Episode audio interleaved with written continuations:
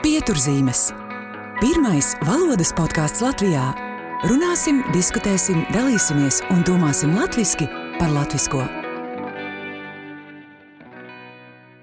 Labdien, klausītāji! Mans vārds ir Aiga Veckalna, un es priecājos ar tevi tikties pieturzīmēs. Paldies, ka klausies, atbalsti, dalies pārdomās un iesaki citiem. Šoreiz tiekos ar diviem viesiem - runas pedagoģi, režisori, spēļu nakts balvas laureāti un manu tuvu draugu Lauru Čaupali un raidierakstu svarīgās detaļas veidotāju, vienu no pirmajiem Latvijas podkāsteriem, Juri Baltaču. Čau, Laura! Čau, Juri! Čau, Aiga! Čau, Laura! Čau, Juri! Čau, Aiga! Vispār man ir liels prieks jūs satikt un ar jums aprunāties par šo tematu, par kuru vēlējos aprunāties jau ļoti sen. Tāpēc paldies, ka piekritāt aprunāties par valodu Latvijas podkāstos un par to, kā var runāt labāk. Juri, izstāsti, kāpēc podkāsti un kad tu sāki? Es sāku ierakstīt savu podkāstu 2016. gadā. Vienā brīdī, kad man bija ļoti garlaicīgi. Es biju, tā bija vasara, es biju kādu nedēļu noslimojis, pa mājām galīgi nebija ko darīt. Un tobrīd es jau ļoti ilgi podkāstu pats biju klausījies, vairākus gadus. Un, jā, tad vienkārši izdomāju, jāsāk arī savējais. Un tad sākumā es izdomāju, jāuztaisa varbūt kādas piecas sērijas, jāpaskatās, kā būs. Padomāju, kas būtu tie pieci cilvēki, ko ielūgt, un tad nolēmu arī, kurš būs pirmais. Tad nosūtīju viņam ielūgumu, un viņš teica, jā, vai darām, es varu vai nu rīt, vai nu pēc trīs nedēļām. un tad, ok, rīt. Un tad tā arī nākamajā dienā ierakstījām, un tā arī turpinu vēl šo baldienu. Kur tu ierakstīji savu pirmo podkāstu? Kādu tehniku izmantoji? Es, uh, jā, tas bija ļoti pateicīgs viesis, jo viņam bija arī pašam savs mikrofons. tad, jā, tad viņam bija ļoti labi. Jā, tieši tā. Viņš tādā, tādā veidā viņš arī kļuva par podkāstu ģenerāla sponsoru ar to, ka viņš nāca ar savu mikrofonu.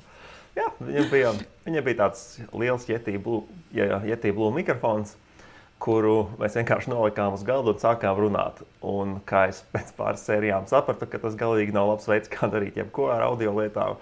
Ka ir dikti jāpiedomā pie, kā, pie tā, kādā telpā tu esi, cik tuvu jūs esat mikrofonam. Uh, Bet, nu, tas viss ar laiku arī atnāca. Laura, vai tiešām ir tā, ka mēs ierakstā runājam citādi, mums mainās balss tembrs? Godīgi sakot, diemžēl. Atbilde ir tāda, ka jā, mainās pilnīgi viss. Es eh, domājot par to, kā to formulēt, izvēlējos asociāciju ar lamatām. Mēs iekļūstam lamatās. No vienas puses mēs uztveram šo runāšanu pie nospiestās ieraksta pogas kā kaut ko ļoti sarežģītu, neiespējamu, un uz mums pēkšņi attiecas vis visādi likumi no sērijas, kā ir pareizi, ko drīkst, ko nedrīkst, kā tam ir jāskan, eh, kas man tagad būtu jāsaka, un vispār es pārvēršos par kaut kādu uzpūstu lēli, nevis, nevis palieku pats.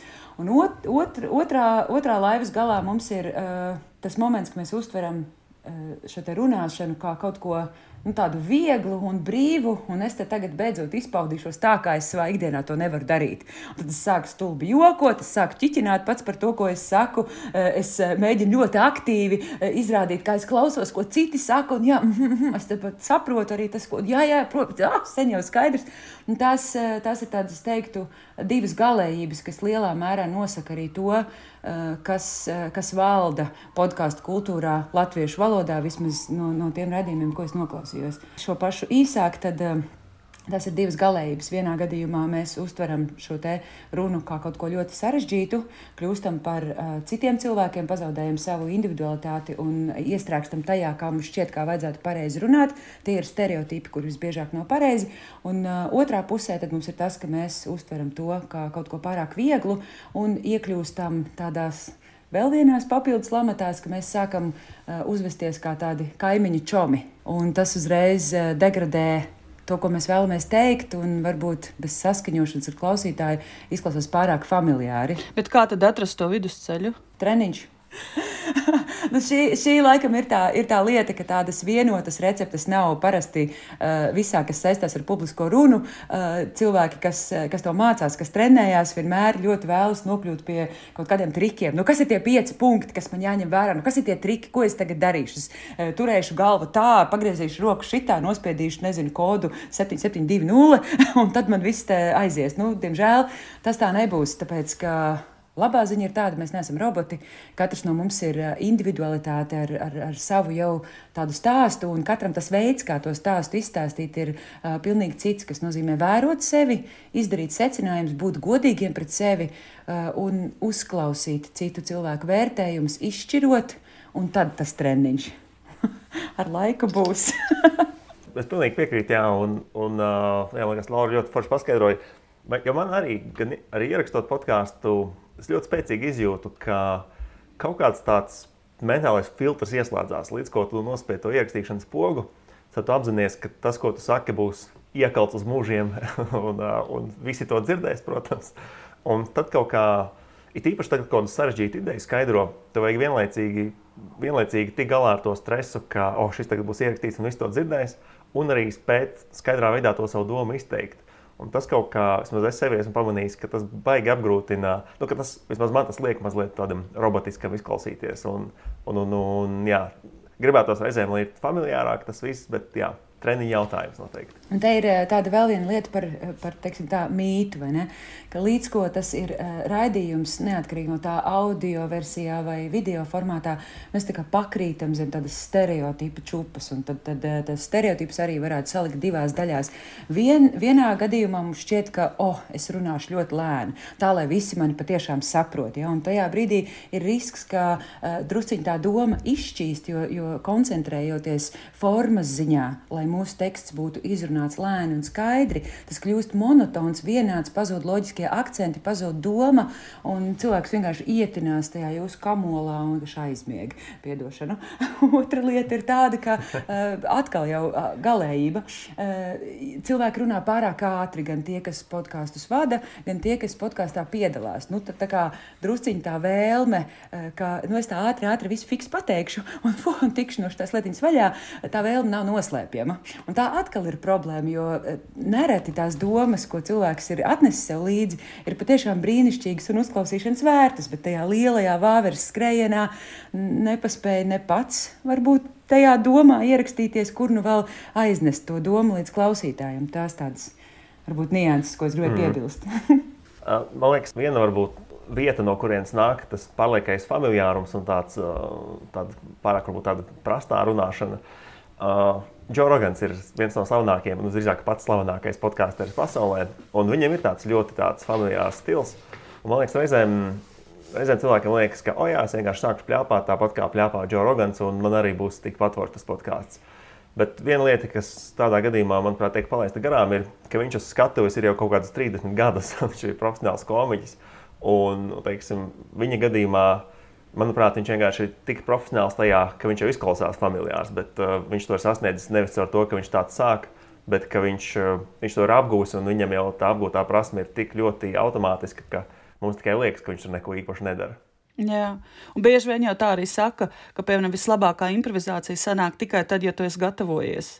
Un es piekrītu žurnālistei mm -hmm. Sandrai Jā. Kropai, kur arī Pieturzīme podkāstā teica, ka viņai bieži vien ir sajūta, ka podkāstu vadītāji negatavojas Un man arī līdzās, līdzās ar šo monotono Jā, balsi arī. vai pārāk familiārām lamatām, man tas ir aspekts, kas ļoti traucē. Laura, jā, tu gribēji sacīt? Es gribēju sacīt, ka varbūt ir vērts uh, druscīt paformulēt, ko tas familiārais šeit nozīmē, jo te ir svarīgs tas nošķīrums - familiārs vai draudzīgs. Un ja šīs lietas sajauc vienā katlā, tad, tad, tad, tad, tad lietiņas sajūg, bet par gatavošanos absolūti simtprocentīgi. Man vispār liekas, ka mūsu kultūra telpā šis vārds improvizācija nu, druscīt ir novazāts par daudz. Liekas, ka improvizācija, ja jūs pajautātu uz ielas, nezinu, kādiem 50 cilvēkiem, man bail, ka lielākā daļa atbildētu, ka improvizācija es daru, ko gribu. Bet tas tā nav. Improvizācija tas ir spēles veids, kurā mēs jā, nokļūstam uz mērķi nezināmā veidā, bet tomēr lietojot ļoti konkrētus rīkus, konkrētus mākslinieckās izteiksmes līdzekļus. Neatkarīgi no tā, vai tā ir dēļa, vai tā ir valoda, vai tā ir kustība. Uh, Veidu ir daudz, bet katrā ziņā bez gatavošanās tur nekā tāda nebūs. Tas ļoti saskana ar manu vēl vienu novērojumu par podkāstu kultūru Latvijā. Ka tomēr šī negatavošanās ir jūtama un stipri lielā mērā nu, te, te tomāti lido podkāstu vadītāja dārziņā, kad dažkārt tie viesi tomēr atnāk stipri gatavāki nekā podkāstu vadītājs. Un tad rodas tā sajūta, ka cilvēks vienkārši tā plūst un gaida, kur nu tā trauma viņu tagad aiznesīs. Bet mēs jau zinām, kā ar to traumu ir. Protams, ka tu taupi kaut kādu daļu resursu peldot pa straumi. Bet eh, vai tā upe aiznesīs tevi uz to vietu, kur tu vēlies? Nu, tas ir atklāts jautājums. Jā. Jā. Un papildus tam, man liekas, arī pats saturs, ko jūs apspriežat, ir kļūst daudz interesantāks, ja tu kā, gatavo, ja tu kā vadītājs sagatavojies tai sarunai. Piemēram, ja tu intervēji kaut kādu aktieri, un, saruna, un tu neesi gatavojies, viens no jautājumiem, kas tev var ienākt prātā, ir, labi, kas bija interesantākā loma priekš tevis. Tas kaut kas tāds, ko aktieris noteikti jau simts reizes iepriekš ir, ir pārspiedis, un viņam pašam būs garlaicīgi simto reizi atbildēt. O, bet, bet, savukārt, ja esi sagatavojies un esi skatījies kaut kādas iepriekšējas, agrākas intervijas ar viņu, tad tu vari teikt, ah, es esmu dzirdējis, ka tā interesantākā loma bija tāda un tāda. Tur, mm -hmm. Kas tieši tajā bija tik īpašs? Tad jau arī tīri saturiski tas, jā, tas tā saruna ir daudz interesantāka, un arī pašam tam viesim ir interesantāk par to runāt, jo viņš, kā, teiksim, jo viņš ir tādā stadijā, kur es parasti mēģinu cilvēkus novest, kad viņas intervēju savam podkāstam. Es gribu panākt, lai viņš skaļi domā, lai mēs sākam skaļi kaut kādā, kādā veidā spēlēties. Ar, spēlēties Mani vienmēr ar arī ļoti mulsina pirmais jautājums - iepazīstina ar sevi. Man liekas, kāpēc, kāpēc tas ir jādara Jā. viesim? Un tad mums varbūt tur kaut kāds pārsteigums nāk. Jā, nu, principā tiešām jābūt gatavam pašam iepazīstināt un gatavam runāt par viesi. Mm, Laura, tu klausījies uh, vairāk šos podkāstus, un tev ir novērojumi. Saki, kas, tas, kas bija tas, kas tev patika? Kas varbūt tev liekas, mm, tas ir superīgi, tas ir forši. Nu, pirmkārt, man jebkurā gadījumā patīk, ka cilvēki to tomēr izvēlas darīt. Tas ir jādara. Un, uh, ir, ir divi varianti, kā tu mācies. Viens, tu ej skolās, tādās vai citādās, un apgūsti uh, visu, kas tev ir nepieciešams, un tad jau viss tāds šķietami gatavs uh, meties pretī dzīvē. Bet otra lieta, tu mācies darot. Protams, tas ir tāds skarbāks mācību veids, bet, uh, bet, bet darīt tas ir, tas ir superīgi. Tas, kas man patika, ka. Uh, nu, tas līmenis ir dažāds, bet, eh, bet ļoti patīkami bija klausīties tos podkāstus, kur, kur tiešām var just šo gatavošanos, un to, ka ir izvirzīti konkrēti mērķi, to, ka netiek lēkāts pa, pa, pa tēmām, pa tematiem, ka tu kā pavadi to laiku kopā ar šiem cilvēkiem, un šis laiks ir intīms. Un, ja, ja nu šeit es varbūt no, gribu komentēt arī drusku vairāk, ka uh, podkāsts. Uh, kas tas vispār pēc būtības ir. Es pajautāju apkārt arī uh, cilvēkiem, uh, cilvēkiem, kur ikdienā gan klausās, gan neklausās, nu, kā, kas, kas ir podkāsts. tas, tas bija ļoti interesanti, jo vis, visbiežāk cilvēkiem nav ko teikt par to, kas tas ir. Uh, bet tad otra lieta, nu, tas tāds, nu, tas tā kā brīvāk, nu, tas tā kā, nu, tā kā vairāk tā kā mājās. nu, labi, mājās. Nu, okay, nu, ko, nu, tad ko mājās? Nu, tad pidžamās, nu, aiziet. Bet, bet ja nopietni, tad, tad tas, ko klausītāji iespējams sagaida no šī podkāsta, ka tu tiec uzrunāts personīgi. Uh, varbūt ne kā ne kā personība, bet vismaz šī tēma varētu būt tāda jau vairāk tuvāk tam, ko tev vajag. Tā nav tik vispārīga. Podkāsts atļaujas runāt par lietām jau daudz šaurākā griezumā, jo nav jāapkalpo, nezinu, tur miljonu galvenā puķa intereses. Nu, pieņemsim, ka šādi. Un tad šajā intimitātē ir ļoti svarīgi, lai tas, uh, lai tas lai tas rezultāts būtu vērsts uz kaut ko konkrētu. Un šī arī ir lieta, ja, ko mēs tikko runājām par kurš, kurš ar kuru iepazīstina, vai arī uzdodot aktierim jautājumu par, kas bija tava interesantākā loma. Tas ir viens veids, bet tas var būt lama. Tas savukārt daudz, daudz drošāk un uz vairāk uz rezultātu vērsti ir tad, ja tu esi konkrēts. Līdz ar to tas, kas man patika podkāstos, ir saistīts ar to, ka visi tie podkāsti, kur uh, vadītājiem ir izdevies noturēt to savu raidlaiku uh, konkrēti konkrētas tēmas ietveros, apskatot to no ABCDEFG uh, rakursiem, tas, tas iedod klausītājiem tādu foršu sajūtu, ka es pēc šī podkāsta uh, atjēdzos labāks nekā es biju, gudrāks nekā es biju un gatavāks uh, saskarsmē ar, ar dzīvi un pasauli tur ārā. Jā. Super, paldies. Juri, kas ir tas, kas tevi uzrunā Latvijas podkāstos? Ja godīgi, es samērā maz esmu klausījies vietējos, vietējos podkāstus. Pārsvarā man, jā, viss, vis, ko es internetā skatos, ir jā, no ārzemēm. Bet jā, tas, tas, kas man patīk, ir, jā, ka, vispār, ka mums šeit tāda, tāda kultūra veidojās un, un ir interesanti uzzināt Jā, vienkārši interesanti uzzināt uh, kaut kādu lietu aizkulises tepat Latvijā. Kaut kā ziņā viss šķiet tāds aizsniedzamāks. Un, Jā, un arī tuvāk. tas, ka tēma lokus paplašinās. Manuprāt, podkāstu tā brīnišķīgā lieta ar podkāstiem mm -hmm. ir, ka var runāt par tik dažādiem tematiem, un ka patiesībā jo šaurāk, pat ir interesantāk, un ka arī Latvijā šis tēma lokus paliek arvien mm -hmm. plašāks, ka visi nav nu, zin, dzīves stila vai veselības intervijas, jā, vai stāsti par, par to, kā, kā uzlauzt sevi, mm -hmm, bet jā. ir, ir daudz kas vairāk. Jā, tas ir tiešām žetons par to.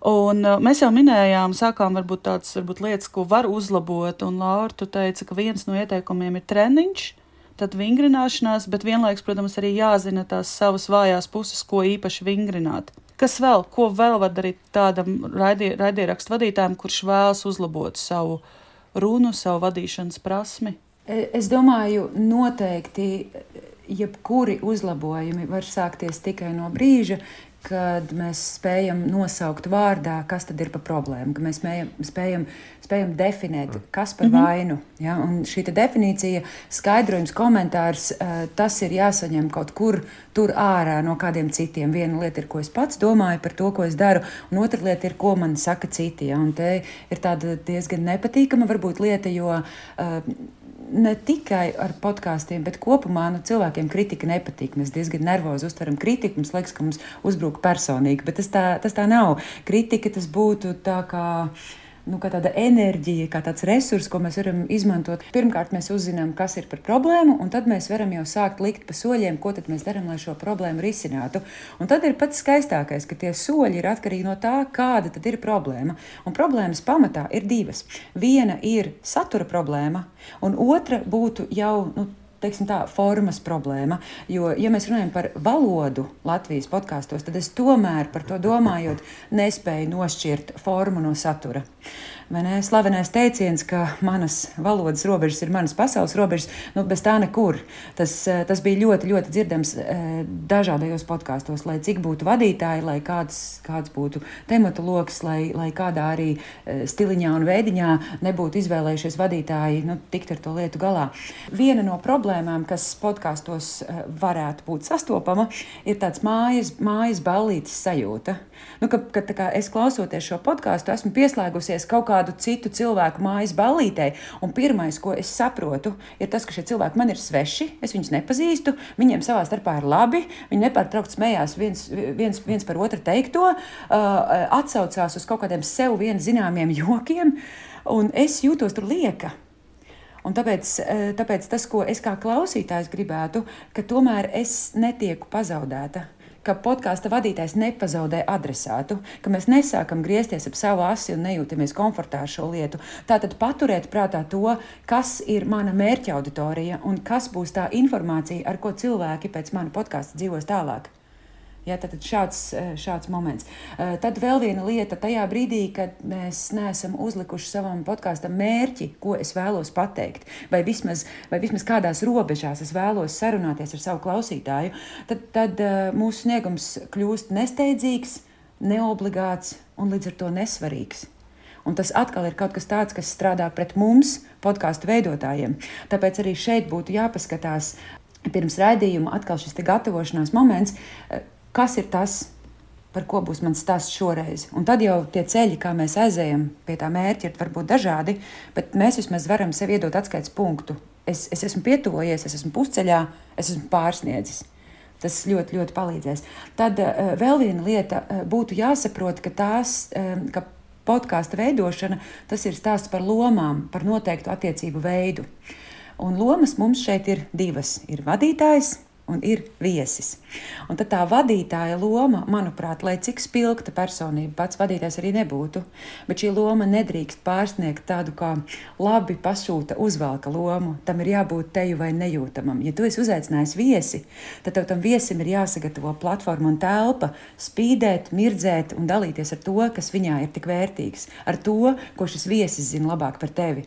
Bet ja tu nepārtraukt uz viesa rēķina, kā spīd ar savām asprātībām un stāst savus novērojums un nedod Dievs vēl ieliet savu personīgo attieksmi pret informāciju ar, ar, ar jokiem, ar, ar, ar, ar balss tembra izmaiņām, o, ko es tikko pateicu, o, nu, tad, tad man liekas, ka tā aina atkal jau iet atpakaļ uz to mājas balīti, kur vienkārši gribās pārslēgt. Un tad vēl viena lieta, ko es gribēju teikt, ir, protams, arī pati jau valodas kultūra. Uh, Iespējams, ka kādam no maniem pedagogiem ir izdevies mani labi audzināt. Es vismaz dzirdu tās valodas kļūdas. Arī pašai gadās lietot, bet es tās dzirdu. Un lūk, kas notiek, cik interesanti. Iespējams, es redzu citu acīs kabargu un baļķi savā nē. Bet tad, kad es dzirdu, ka podkāstu vadītājs nespēja atšķirt, kad ir jāsaka kad un kad ir jāsaka ka, ka tad, kad es dzirdu visus tos tā, kā mm -hmm, man liekas un man gribās, tad, tad liekas, ka nākamais, kas notiks, būs gaņau. un, un atkal gribēsies pārslēgt. Tā kā, tomēr tā kā jāsit sev par roku. Bet tomēr uh, valodai, valodas kopšanai ir jāparedz atsevišķs laiks un enerģija, lai tas veids, kā mēs runājam, tomēr ir patīkams cilvēkiem, kuri pievērš šīm lietām uzmanību. Juri, cik tev ir svarīga valoda? Man ir tā, kopš es esmu sācis veidot podkāstu, tā kļūst ar vien svarīgāka. Jo, ja godīgi, es varu pateikt, noslēpumu vidusskolā es biju vienu vai divus semestrus nesekmīgs latviešu valodā. Tas man ir bijis priekšmets, kurš man vienmēr ir bijis viens no švakākajiem vis, visu mācību gadus. Un, jā, man vispār nepatika lasīt, un nepatika nekas tamlīdzīgs. Bet, jā, kopš esmu sācis veidot podkāstu, noteikti daudz vairāk pie sevis piedomāju pirmkārt, es ļoti pamanu, ir īpaši podkāstu ierakstos, ja man kaut kāda liekvārdība nāk ārā un visi tie izteicieni, man tas pats tā kā arī nāk, vai vienkārši, vienkārši arī bieži saka, tas tā kā vienkārši tur tas un tas un tas.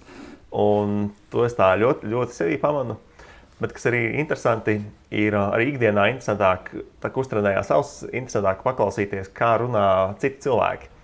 Un tad, kad tu esi pieredzis, pieredzis teiksim, pievērt uzmanību tam tonim un vispārējai runas manierai podkāstā, uh, tad daudz uzkrītošāk uh, paliek viss tas, ko Laura tikko uz, uzskaitīja. Ka jā, tu pamani arī citiem cilvēkiem, vai nu viņi runā nenormāli ātri, kas ir arī noteikti kļūda, ko es gan bieži pieļauju, uh, vai visādi liekvārdība, um, vai vienkārši, uh, vienkārši reizēm tonis ir tāds, pat ja viņi it kā nav nomākti savu, uz, savu uzvedībā, reizēm viņu tonis un kaut kāds šķietami lēnīgs runas stils Var likt padomāt, ka tas cilvēks pats kaut kādā ziņā galvā vainīgs vai kaut kas tāds, vai tā līdzīgi, kas tā nav, kas tā realitātē nav. Tu redzi pēc viņa, ka, ka viņš savā ikdienā normāli uzvedās, ne tavs kolēģis, bet, bet reizēm tīri tās runas, viņa runas veids var, var diezgan iedragāt viņa reputāciju. Juri, patiesībā kompliments tev, jo klausoties svarīgās detaļas, es vienmēr jūtu, ka tu ļoti gatavojies. Un sarunas ir, ir, ir kodolīgas, mm. sarunas ir par tēmu, un es arī jūtu, ka valoda tev ir svarīga. Ja, ja tu nepateiktu par vidusskolu, tad man vispār liktos, mm. ka tev vienmēr valoda ir interesējusi. Kopš, nezinu, kopš tās reizes, kad mēs iepazināmies divreiz divu seminārā un tu vadīji ievirzi. Jā. Tā kā tiešām kompliments. Un es ar interesi klausījos tavu ierakstu par to, kur tu stāstīji par podkāstu veidošanas aizkulisēm. Tas bija ļoti interesanti, kā tu veidoji jautājumus, mm -hmm. kā tu sagatavoji jautājumus, varbūt rezervēji, kā tu, ved, kā tu pats Jā. stāstīji, kā tu ved šo viesi cauri raidierakstam. Tas Jā. bija ļoti interesants ieraksts. Paldies! Jā, es, jā prieks dzirdēt, jo es arī, es arī diezgan nekautrēšos teikt, es diezgan daudz iegulos tajā gatavošanās procesā un labi padomāju par tiem jautājumiem. Nu, vismaz daudz padomāju par tiem jautājumiem. Man ļoti patīk, kā Laura iepriekš pateica, tā bija tāda lieta, ko es pats līdz šim nebiju varējis ielikt vārdos, ka tu to viesi ved cauri, cauri kaut kādai vienai tēmai, bet to tēmu apskaties no A, B, C, D un vēl vairāk visādām pusēm. Tas man liekas ļoti vērtīgs. Ja kaut kā varbūt intuitīvi tas galā bija, bet es noteikti nebiju to. Nebija tam tā uzlicis pirkstu virsū, ka tieši tas ir tas, kas jādara. O, Laura, tagad mēs esam definējuši tos, uh, tos problēmas lielākās, lielākās kategorijas. Paldies, tu brīnišķīgi tiešām saliki pa plauktiņiem. Tad ko es varu darīt, ja es tagad klausos? Hmm, es atpazīstu to, es sevi ierakstā esmu dzirdējis, ka es tā daru. Ko var darīt? Nu, šeit ir neliela atkāpīte. Ja mēs uh, varētu izmantot salīdzinājumu, tad līdzīgi kā ejot pie doktora, nu, ja ies tie manis jau piesauktie 50 cilvēki no ielas pie doktora, tad katram no viņiem uh, doktors teiks kaut ko drusciņu citu. Pat tad, ja jautājums visiem būs viens, kā man stiprināt imunitāti ziemas periodā, piemēram, ja, tad šeit arī uh, nu, man nezinu, interešu konflikts, bet nākas tomēr rekomendēt, rekomendēt tiem cilvēkiem, kas vēlas kaut ko uzlabot, vērsties pie profesionāļiem, lai viņi saņem profesionāļu komentāru. Jo šobrīd, skatoties kopā uz to, ko es dzirdēju, klausoties podkāstus, man nav tādas vienotas receptes visiem. Es teiktu, ka tas ir tiešām atkarīgs no tā, kāda, kādu problēmu mēs tagad gribam risināt. Bet viena lieta, ko gan mēs varam darīt, tā ir sagatavošanās, un tur man liekas, nu, nu, nu ko, nu, pazīsti tēmu, par ko tu vēlēsies runāt, sastādi plānu, noskaidro par savu viesi informāciju. Nu, tas tāds elementārs lietas, un tad, tad vēl, vien, vēl, vien, vēl viens padoms no manis, nu noklausieties lūdzu Jūru Baltaču teikto par to, kā viņš gatavojas saviem podkāstiem. Aiga Vatskalna arī to iesaka, līdz ar to dubults neplīst. Uh, bet, eh, bet tā otra lieta, ko gan mēs varam darīt, lai, lai mūsos būtu patīkami klausīties, mēs varam pirms tam savu runas aparātu trenēt. Un šeit ir tāda labā ziņa. Mēs ar uh, manu, manu draugu, kas arī ir runas pedagoģe eh, un ar kuru mēs eh, jau daudz gadu strādājam kopā. Mēs to kopā ar saviem studentiem nosaucām par mutes fitnesa klubu. Un šeit visiem labā ziņa. Tas ir darbs ar muskuļiem. Ko jūs tur ieliksiet, tas tur arī paliks. Tas nekur nepazudīs. Ja? Tas eh, līdzīgi kā ar vēdera presītu un slaveno sešpakas piemēru, ja, tajā brīdī, kad mēs šo sešpaku esam ieguvuši, mums vairs nekāda poga nav jāpiespiež. Tā sešpaka tur visu laiku ir, tikai pacelt krekliņu un ir. Un līdzīgi arī ir ar uh, runas aparāta treniņu. Un šeit ir uh, svarīga nianse atkal, kas no kuram vairāk jātrenē, bet stāsts tad būtu par to, ka uz mums attiecas. Tātad runas tehnika, tātad viss tas, kas mums notiek ar muti, uz mums attiecas elpošana, Un, protams, arī visi loģiskie akcenti, mūsu runas saturs. Ja mēs runājam tieši par tehniku, tad, lai cik tas nebūtu interesanti, tad latviešu valodā, kas ir tik uh, muzikāla, melodiska valoda, un kurā ir tik liela nozīme patskaņiem, it īpaši mūsu mīļākajam patskanim. A, Ja tas ir vārdā mamma, mana mamma ir laba. Šim patskanim ir tik liela nozīme piešķirta, bet mēs ar šo patskani uzvedamies uh, visnejaukāk. Nu, tādi nepaklausīgi bērni. Nu, mēs netaisam to mutu vaļā. Tas ir gan redzams, gan dzirdams publiskajā telpā. Un kas mums notiek? Tajā brīdī mēs esam aizmirsuši, ka skaņa tas ir stāsts par telpu, un mums šī telpa ir jāsagādā. Un kur mēs gribam dzīvot? Mazā, šaurā teltī, vārdā trīsstūrīts, vai arī lielās, plašās zālēs, vēlams pa brīvi. Ja? Protams, ka tās lielās telpas ir, ir tā vērtas, jo viss ir skaidri pārredzams, pārskatāms un valodas ziņā labi sadzirdams iespējams. Un tad, ja cilvēki labi dzird, ko jūs sakāt, viņi jūtas ļoti ērti. Jūs ietriecaties viņu komforta zonā, un viņi jums uzticās. Tāpēc atvērt to muti vaļā, tas ir simtkārtā vērts. Ko darīt? Kritināt žokli. tas, nozīmē, tas nozīmē, ka tiešām uh, mute ir jākustina, jo skaņas kvalitāte no tā ir ļoti atkarīga. Uh, šeit ir nedaudz tāda nianse, nu, kā saka, pasaule mēdzot būt negodīga. Uh, cilvēki, kas, uh, kam šī lieta piemīt dabiski, tad dabiski laba art, izteikta artikulācija tad viņu dikcija, tad dzirdamība um, ir, ir jau labi attīstīta. Šķitīs, ka viņi to muti nemaz tik daudz vaļā nevar. Bet es teiktu, tiem, kas iesāk, vai tie, kuriem kāds ir ieteicis, ka tomēr vajadzētu ar šo lietu pastrādāt, tiem tomēr vajadzētu cītīgi muti taisīt, drusīt vairāk vaļā nekā ikdienā tas ir pierasts. Iedomājieties, ka tu esi tas mans doktors, es esmu pie tevis atnākusi. Un es saku, doktor, lūdzu, pasakiet, ko es varētu darīt labāk vai citādi. Un ka man liekas, ka mana problēma ir, ka es uzdodu, ka es gribētu, būt dab, es gribētu šo dabiskāku toni, lai es tik ļoti neatšķirtos no ieraksta un ārpus ieraksta. Ko tu atbildētu man, kā mana doktora profesionāla? Es pirmām kārtām palūgtu šo ierakstu, kurš tev liekas uh, problēmas, uh, tad, tāda ilustrācija, un tad es varētu salīdzināt, kas tad ir, kas tad ir izmainījies. Jo šādi sakot, katram cilvēkam tomēr būs citas problēmas. Viens paliek formāls, viens paliek stīvs, viens stostās, viens runā kā robots. Katram tās, tās problēmas ir pilnīgi citas. Es te podkāstos arī dzirdēju, ka daži vadītāji, lai izklausītos tādi dabiskāki un, un tādi sirsnīgāki, pēkšņi sāk runāt nu, tā apcerīgi un kaut kur vispār galīgi gaisā, varbūt un riņķī un apkārt. Un vispār nav skaidrs, vai tas teikums arī kādreiz beigsies, un vai tam teikumam arī būs kāda nozīme pieturzīme. Jā, es to esmu pamanījis. Bet, ja tev būtu tieši atgriezniskā saite, tieši man jādod. Tagad tu man klausies šeit, tu esi ar mani runājis iepriekš, tu esi, es pieļauju, no, noklausīsies kādu pieturzīmu sēriju. Iedod man atgrieznisku saiti, lai mēs redzam, nu, ka, ka kritika tas nav tik briesmīgi. Es to gribu dzirdēt. Te ir. Es, es pilnīgi tevi saprotu. Es tavā vietā arī uzvestos tieši tāpat kā tu tagad. Bet man ir uh, stipri grūti kritizēt tavu podkāstu, jo tas ir viens no maniem vismīļākajiem. Manuprāt, objekti, Oh. jā, tā ir. Manuprāt, objektīva iemesla dēļ es dzirdu, ka cilvēks ir gatavojies, vadītāja balss tembrs iztriecās man cauri, aptinās apkārt. Un tu iztriecās aizmiedz, un tu aizmiedz. Un es saprotu, un es varbūt pirmajā reizē aizmiegu, bet otrajā es jau pamostos un zinu visu to pašu, ko tu.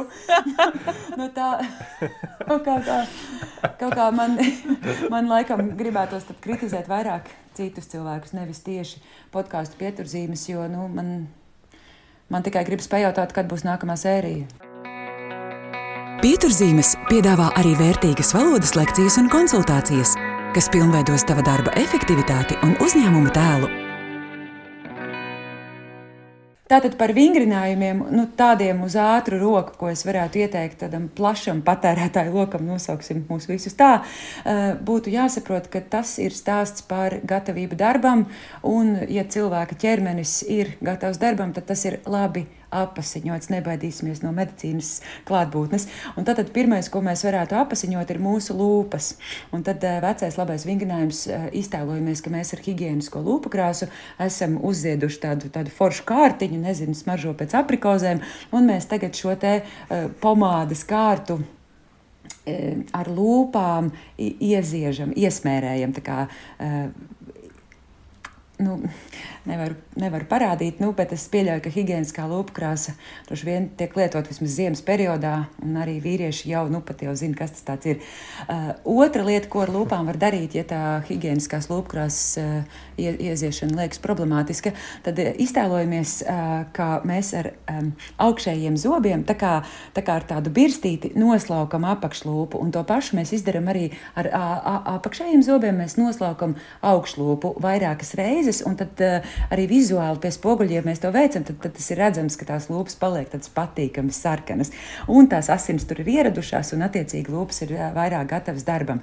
Protams, ir, ir visādi vingrinājumi, kuri vairāk strādā uz vieniem, otriem, trešiem burtiem. Arnolda Lidiņa slavenā, slavenā tabula, tas ir atsevišķs stāsts, un es negribu to degradēt līdz tam, ka šobrīd jūs tūlīt zināsiet, viss tas tā nav. Bet ja mēs tā, nu, vēlamies 15 minūtēs sagatavot savu aparātu, tad, tad, tad ar lūpām, manuprāt, tas būtu pilnīgi pietiekami. Pāriesim pie mēles. Šeit bezmaksas vingrinājums visiem tiem, kas cīnās ar dubultzodu, kas, kas bez atļaujas lēnām jau parādās klakšķināšana. Skan šādi. 10-15 minūtes dienā, divu mēnešu laikā es garantēju, jūs eh, sapratīsiet, ka oh, hm, zoda līnija izskatās daudz labāk, jo tas ir vingrinājums, kas trenē mēlis sakni, eh, un, un līdz ar to atkal jau stāsts par muskuļu darbu. Eh, Tas, ko vēl mēs ar mēli varam darīt, un es pati personīgi to lietoju pirms reklāmu ierunāšanas vai pirms šādas ekspertēšanas podkāstos. Eh, Tā ir mēlis apļošana eh, mutē, tā kā priekšā zobu rindai. Ja mēs pieņemsim, sākt uz 12, un tad ietu attiecīgi lejā, un, un vairākas reizes, piemēram, es nezinu, desmit reizes uz vienu pusi. Un desmit reizes uz otru pusi. Visbiežāk, ja šis muskulis nav trenēts, jūs sajutīsiet sāpes, un tas ir tāds labi. tas nozīmē, ka process notiek, un ka viss, viss ir kārtībā, viss ir pareizi. Nu, un tad šī slavenā žokļa kritināšana, kur tad vajadzētu attiecīgi nosēsties taisni. Oh, un tad vismaz paskatīties, kā tas, eh, kā tas žoklis vispār atverās, un tad pa, pa, pa, pagriezt, pa, pakustināt pa labi, pa kreisi, uzzīmēt to pusaplīti, bet tur droši vien, ka pirmajā reizē to vajadzētu darīt kopā ar speciālistu, un tad, kad speciālists saka, jā, tu to dari pareizi, tad tu vari arī šos vingrinājumus jau veikt mājās. Vēl viena lieta par elpošanu. Daudzi uztraucās par stresu, kā tad tagad nenomierināties un sāk elpot pārāk ātri, vai nedod Dievs aizmirst, aizmirst elpot vispār. Un šeit ir tāda nianse, ko darētu ņemt vērā, tad, ja ir liels uztraukums. Un cilvēks saka, nu tad, tagad to dziļo ielpu ievelkam. Kļūda. Kļūda, jo ar šo dziļo ielpu mēs tieši uh, pastiprinam visu to, kas mūsos notiek ne tā, kā mēs vēlētos. Ja, kā, ja jūs vēlaties nomierināties, sagatavoties, nomierināt sevi pirms, pirms savas runas, tad uh, būtu svarīgi ielpot nu, tik dabiski, cik tas ir iespējams, bet koncentrēties uz ilgu, ilgu izelpu tajā brīdī arī notiek tā nomierināšanās. Tā kā, lai iegūtu enerģiju, mēs taisīsim lielu ielpu, lai mēs nomierinātu, sabalansētu to enerģiju. Mēs taisīsim izteikti garu tādu foršu, ilgu izelpu. Eh, vēl ir svarīga lieta, arī tas, tas kas ir treniņos, svarīgi tas, kā, kāda ir ķermeņa pozīcija. Un šeit ir divi varianti. Vai nu mēs esam stāvus pozīcijā, vai arī mēs sēžam. Stāvus, nu, tur viss skaidrs. Nu, Diezin vai cilvēks stāv sapinies kamolā. Nu, ja kāds tā stāv, apsveicu. bet, eh, bet sēžot, te ir lielāka problēma. Derētu tomēr iztaisnot muguru. Kāpēc? Tāpēc, lai diafragma nebūtu saspiesta, aiga. Ja? Juri, lai nebūtu saspiesta diafragma un lai skaņai atkal būtu šī te telpa un iespēja brīvi plūst. Vēl viena lieta, it īpaši podkāstos, man liekas, ir svarīgi arī saprast, kādā pozīcijā ir novietota tava galva. Ja tu esi pārāk salīcis, labi, to mēs tagad iztaisnojāmies, bet ja galva palika izteikti noliekta, ja, tad es pieļauju, ka varbūt jūs dzirdat tās skaņas izmaiņas. Un tagad es galvu paceļu un it kā turpinu to pašu teikumu, un pēkšņi opā skan daudz patīkamāk. Tā tas, tā tas tiešām ir. Es savam dēlam 14 gadi nemitīgi atgādinu, ka taisna mugura sākas ar augstu paceltu galvu. Laura, liels paldies par šīm vērtīgajiem ieteikumiem. Es domāju, tie palīdz noteikti ne tikai podkāstu veidojot, bet vispār pirms jebkuras publiskās uzstāšanās. Tie tiešām ļoti vērtīgi. Juri, izstāst, vai tev ir kāda rutīna, rituāls tieši pirms ieraksta? Es te nedomāju saturisko gatavošanos, bet tādu artikulācijas sagatavošanu pirms ieraksta konkrēti artikulācijas nē, bet vajadzētu. es teikšu tā. Bet viena lieta, ko es, ko es noteikti esmu mainījis, ko teiksim, visā savā sākumā, pirms ieraksta, ir, jā, kā jau Laura minēja, nomierināties. Jo ļoti daudz problēmas nāk no tā, ka pārāk daudz streso. Un tad arī radās kaut kāda tā apziņas plūsma, kas īstenībā nekur neaizveda, ka tur kaut ko plāpā un nekāda doma tur īsti neiznāk. Bet, bet jā, man Tas, kas ļoti pamainījis, ir attiecībā uz to, kā es attiecos pret to viesi, kad es ienāku. Ka, ka tomēr ir diezgan liela loma tam kaut kādai tādai ledus laušanai un vienkārši mazliet papļāpāšanai un visām tām pieklājības frāzēm un, un draudzīgajiem trokšņiem. Jo tad jūs arī, pat ja, pat ja jūs tikai kādas 5 minūtes mazliet papļāpājat un tur arī par sevi nedaudz pastāstāt, kā tu sāki veidot to podkāstu, uh, vēlreiz viņam atgādini, par ko tu gribi runāt. Uh, tā aptuveni un atgādini, ka, ja viņš tur kaut ko grib paņemt pauzi vai tur klepos daudz vai kaut kas tāds, tad to mēs visu varam rediģēšanā izlabot. Tas ir ļoti to viesi nomierina. Agrāk, es, uh, agrāk man bija tā, ka es nu, daudz vairāk stresoju pirms tiem ierakstiem, un visa mana galva bija pilna ar to saturu, ko man jāpaspēj apspriest. Un tad, kad tu ierodies pie tā cilvēka un tev savā prāta acī priekšā ir tāda, prāta, tāda balta lapa, no kuras tu mēģini izlasīt, izlasīt visas tās tēmas, ko tu tur esi sarakstījis, tad nu, tam otram cilvēkam tas ir tāds mazliet dīvaini, dīvaini iespēja. Un, un es diezgan bieži brīnījos, uh, bija tā, ka diezgan bieži viesi paprasa, pirms mēs sākam ierakstīt, lai es kaut ko par sevi nedaudz pastāstu. Man liekas, mazliet dīvaini, kāpēc viņi to prasa, kā, kāpēc es nevaru vienkārši ķerties pie lietas. Bet um, es pats nesen, uh, nesen viesojos vienā podkā, cilvēku jaudas podkāstā. Un tur es tā ļoti izjūtu, ka uh, ka mēs bijām mazliet čatojuši pirms tam ar, ar vadītāju un tā, kādā ziņā mazliet iepazināmies. Bet tā ļoti izjūtu, ka man domāju, tā mazliet jocīgi, ka kāds, ko tu praktiski nepazīsti, viņš tev tagad nāk virsū ar tiem visiem jautājumiem, vienu pēc otra. Un tā ir arī viena lieta, ko es tagad ņemu vērā, ka ir mazliet arī pirms ierakstā ar sevi kaut kā jāiepazīstina. Un kādā ziņā jāpierada tas cilvēks pie tavas klātbūtnes, un jums abiem mazliet uh, jāsapazīst. Jā, paldies, ļoti, ļoti vērtīgs ieteikums. Vai tu atceries uh, kādu savu neaizmirstamāko raidieraksta ierakstu? Nezinu, vai tur notika varbūt kaut kas tāds kurjos gadījums, vai gluži otrā, tas bija ļoti sarežģīta saruna.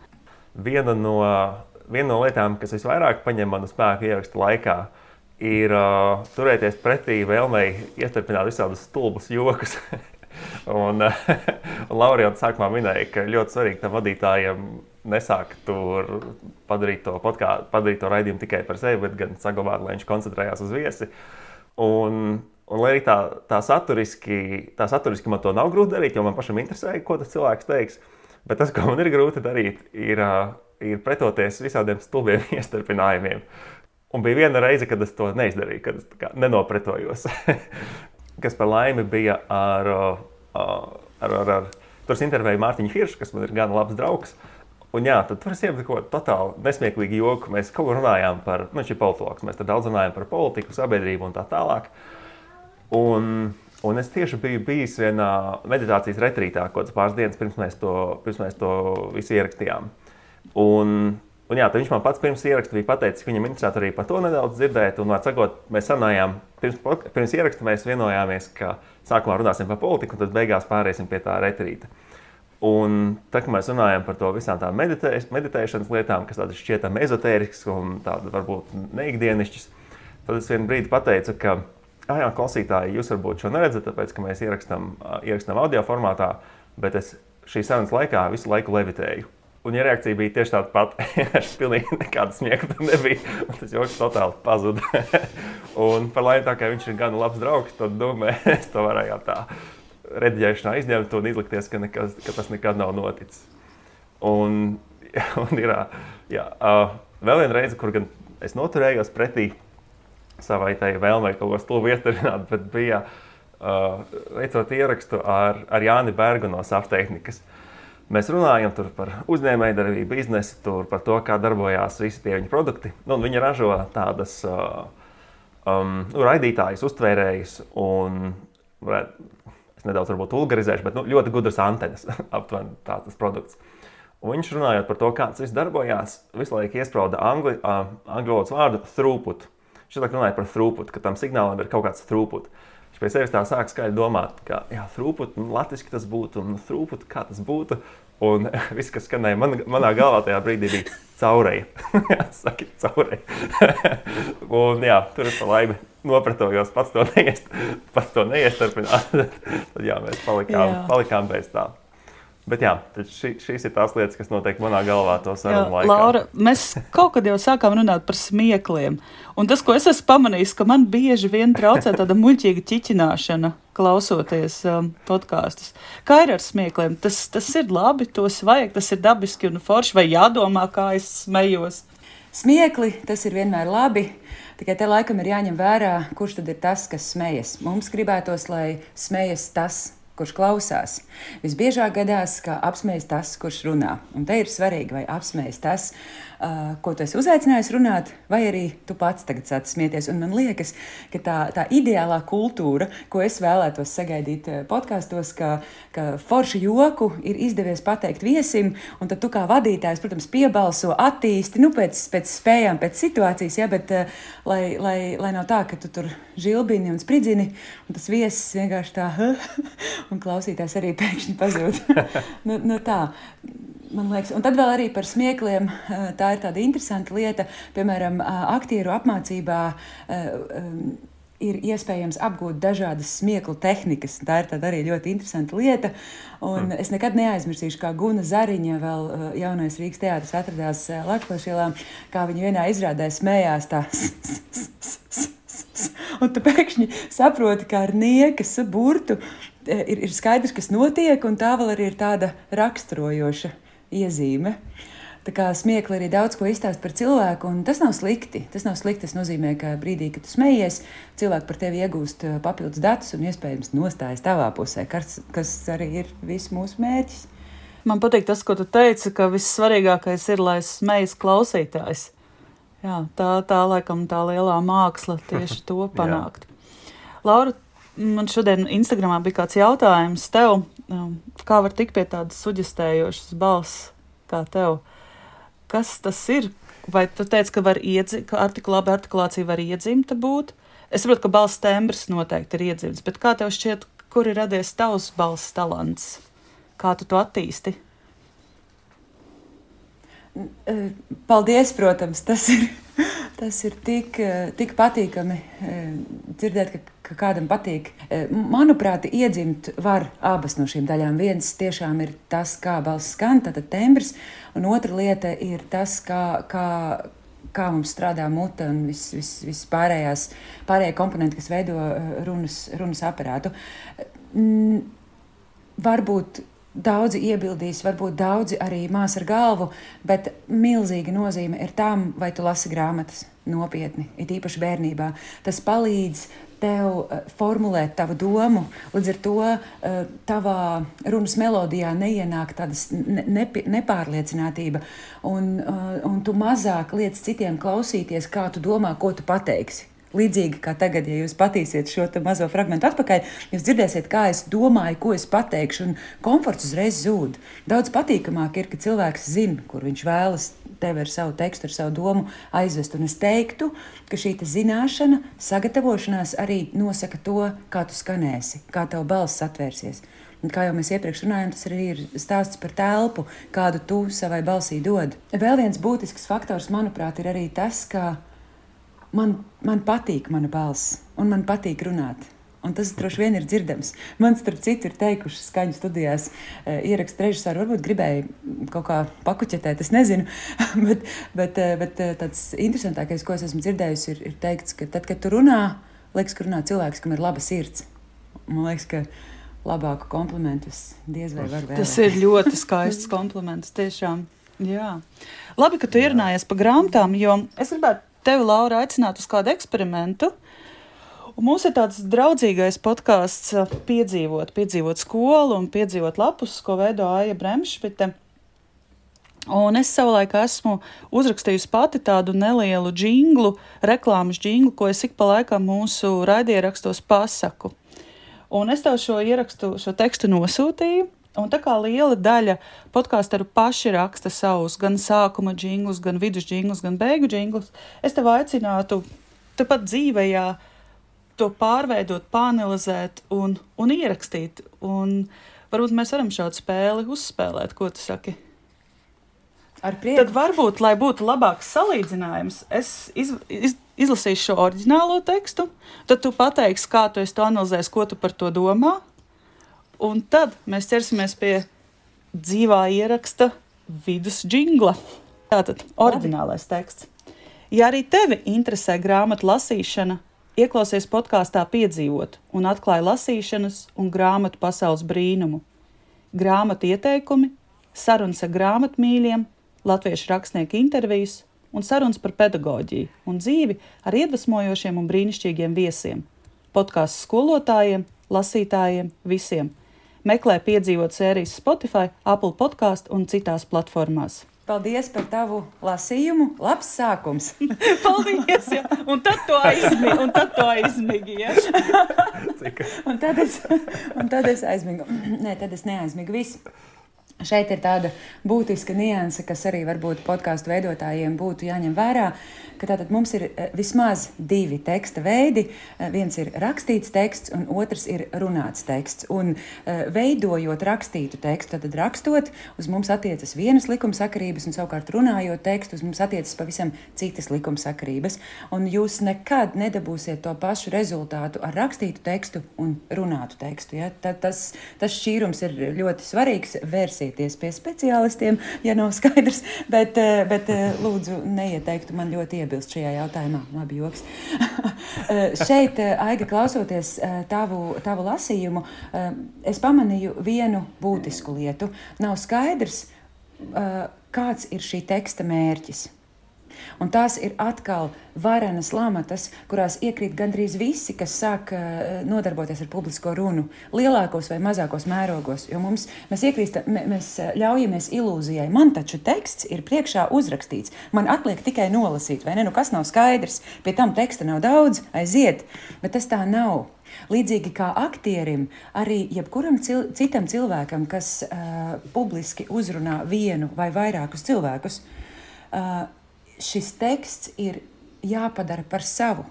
Tas nozīmē, mana klātbūtne šī teksta nolasīšanā vai izstāstīšanā ir augstākajā mērā nepieciešama. Man ir jāsaprot, par ko tekstā ir teikts. Nevis tāpēc, ka es savirknēšu kopā noteiktus vārdus, ko es izlasu noteiktā secībā, bet gan man ir jāsaprot, par ko ir stāsts, kas ir galvenais šajā teikumā. Un te mēs tagad nonākam pie loģiskajiem akcentiem. Loģiskie akcenti latviešu valodā ir subjektīva lieta. Tad viens un tas pats teikums mums var būt katru reizi izrunāts ar kādu citu akcentu, tātad par kaut ko citu. Mans mīļākais piemērs ir Es tevi mīlu. Kā to pateikt? Es varu teikt, ja mēs ar Aigu stāvam abas blakus un skatāmies uz tevi, Juri, es varu teikt, es tevi mīlu. Nu, lai skaidrs, ka tā Aiga nē, bet es. Eh, tad es varu skatīties uz Aigu un uz Juri. Skatīties uz aigu un teikt, es tevi mīlu. Nu, Juris jau varbūt domā, nu, vai ne? Bet aiga tevi. ja. Un tad es varu paskatīties uz savu kaķi un pateikt, es tevi mīlu. Tu ne tikai man patīc, tu man ņaudošais spalva kunkuli, bet es tevi mīlu. Jā, tā kā varbūt tāda maza nianse, bet doma katru reizi drusciņi pamainās. Un šeit tieši tas pats. Labā ziņa ar šiem subjektīvajiem, loģiskajiem akcentiem ir tāda, ka neatkarīgi no tā, par ko jūs vēlēsieties to savu teikumu sacīt, eh, tomēr pārējās valodas likumsakarības eh, nezaudē savu spēku. Un, piemēram, Aiga, tavā lasījumā es pamanīju eh, kļūdu, kas atkārtojās vairākas reizes, un tas ir labi. Tas nozīmē, ka kļūda ir stabila, līdz ar to izlabojama un attieksies uz visām pārējām reizēm, kad tu, kad tu lasīsi jebkādus tekstus, tad pievērs uzmanību saiklim un. Un mums ir tā tāds draugs, kas mūs savieno, kas tas ir tāds apskāviens vai neteikumā. Tas nozīmē, ka mēs um, uzliekam uzsvaru uz tās otrās daļas aiz saikļa, un tas nozīmē uh, tēju un kafiju, grāmatas un podkāstus, televizoru un iPhone, hmm. suni un kaķi. Nevis suni, un kaķi. Ja, tas uzreiz to domu mm. izšķīdina, un, un mēs pazaudējam Jā. intensitāti. Ja? Tāpēc šeit, piemēram, tad, kad tu saki uh, un atklāji lasīšanas un grāmatu pasaules brīnumu, ja tā ir lasīšana un grāmatu pasaule, divas kopā savienotas, apskāvušās lietas. Ja? Tas pats šeit arī, uh, šeit ir nianse, ja? jo nākamajā teikumā mēs pēc tam palasīsim vēlreiz kopā, tur, kur ir intervijas un sarunas par pedagoģiju un dzīvi. Ja? Tur ir veseli Jā. divi un, un tagad jautājums, ko tad viņi savā starpā apskauj. Tur sanāk apskāviens apskāvienā, ja mēs Jā. izmantojam šādu, šādu salīdzinājumu. Ja? Un tad uh, vēl ar šo tekstu arī ir iespējams uh, darīt vis visādas lietas, neatkarīgi no tā, par, par, par, par ko vēsta uh, vārdi, kas šajā tekstā ir sakārtoti. Un mēs varam šo tekstu nolasīt tā, ka mēs kādu vilinam, uzaicinam, brīdinam, Ja, arī, arī tas viss attiecās uz to, ko mēs tagad uh, darīsim. Plus vēl mēs varam arī ieņemt pozīciju. Mēs varam ieņemt lomu. Es būšu kas? Es būšu tā tāda pedagoģe, skolotāja no, no sliktām, eh, sliktiem piemēriem, ja, kas tikai vicina roku un, un, un, un tikai kaut ko tur. Es pat nezinu, kā noraksturot. Man vispār skolotāja liekas kaut kas ļoti foršs. Uh, nezinu, krusmāte. Tad es varu būt krusmāte bargā, kas, kas, kas tikai nepārtraukti barās. Es varu būt uh, mīļš draugs, es varu būt neitrāls, neitrāls robots, kas skaidro, nu, ko tu izvēlies, ko tu gribi. Nu, to jauko skolotāju. Uh, labi, labi, jauko skolotāju. Nu, lūk, un tad šeit atkal pāanalizējot, uh, tā, uh, es teiktu, mana mīļākā intonācija, vai arī viena no visiedarbīgākajām intonācijām, kas tiešām strādā, ir skaidrojuma intonācija. Mēs pieņemam, ka cilvēki, kas klausīsies šo tekstu, nezina, ko mēs gribam teikt, tāpēc mēs viņiem to paskaidrojam. Šeit ir būtiska, būtiska nianse. Nevajag izlikties, ka mūsu klausītājs ir muļķis. Tas tā nekad nav.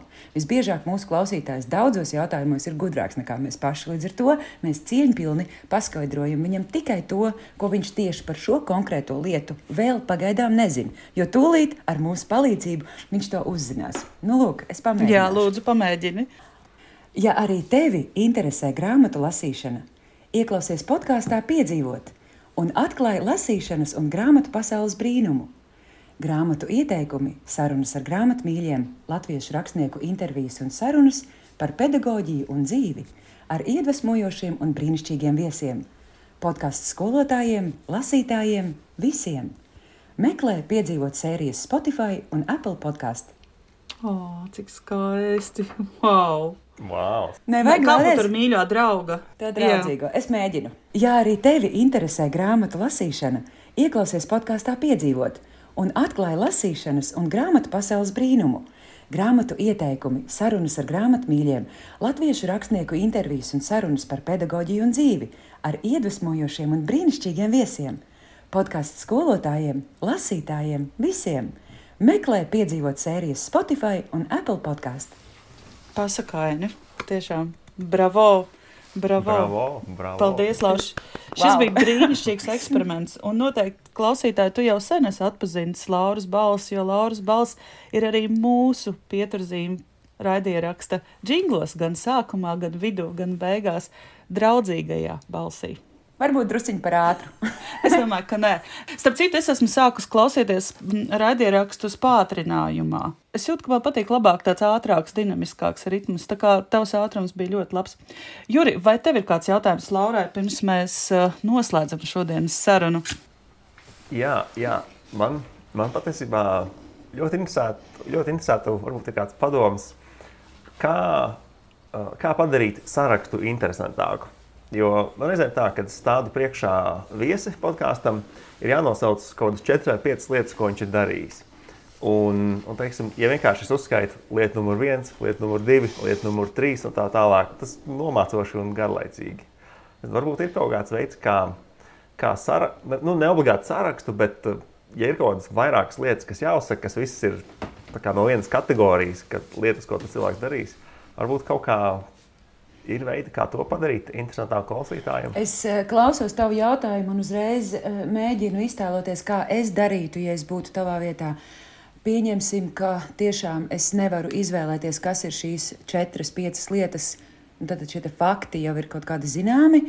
Tad varbūt tas, ko es izvēlētos, es paskatītos, nu, tā kā izējot no tiem faktiem, kas ir tas eh, kaut kāds viens vienojošais moments, vienojošais kopsaucējs, ko es varētu tam visam piemērot, ka pieņemsim, nezinu, Jūri Baltaču vienmēr ir raksturojusi zinātnākāri. To viņš pārbaudīja šaha pulciņā, kur viņš mēģināja dāmu iet kā ar zirgu. Pēc tam viņš nokļuva, nu, saproti, un tu, jūs jau smejaties. Nu, tas, tas ir viens no veidiem, kādā tu vari mm -hmm. caur to vieno, vienu, es nezinu, kāds varbūt ir uh, atklājumu garša, kāds varbūt uh, mēģina visu fiksēt, mm -hmm. uh, fiksēt, pierakstīt, izmērīt. Ja? Tas ir ļoti atkarīgs no katra tā, uh, pa, katra mm -hmm. individuālā gadījuma. Man būtu daudz vieglāk pateikt, ja tu man noliec priekšā, es tev saku, ejam šo ceļu. Nu, Vai ne tā vietā, lai uzskaitītu vienkārši cilvēku sasniegumus, panākumus, mēs izveidojam ap to stāstu? absolūti piekrītu. Brīnišķīgs ieteikums, jā. Paldies!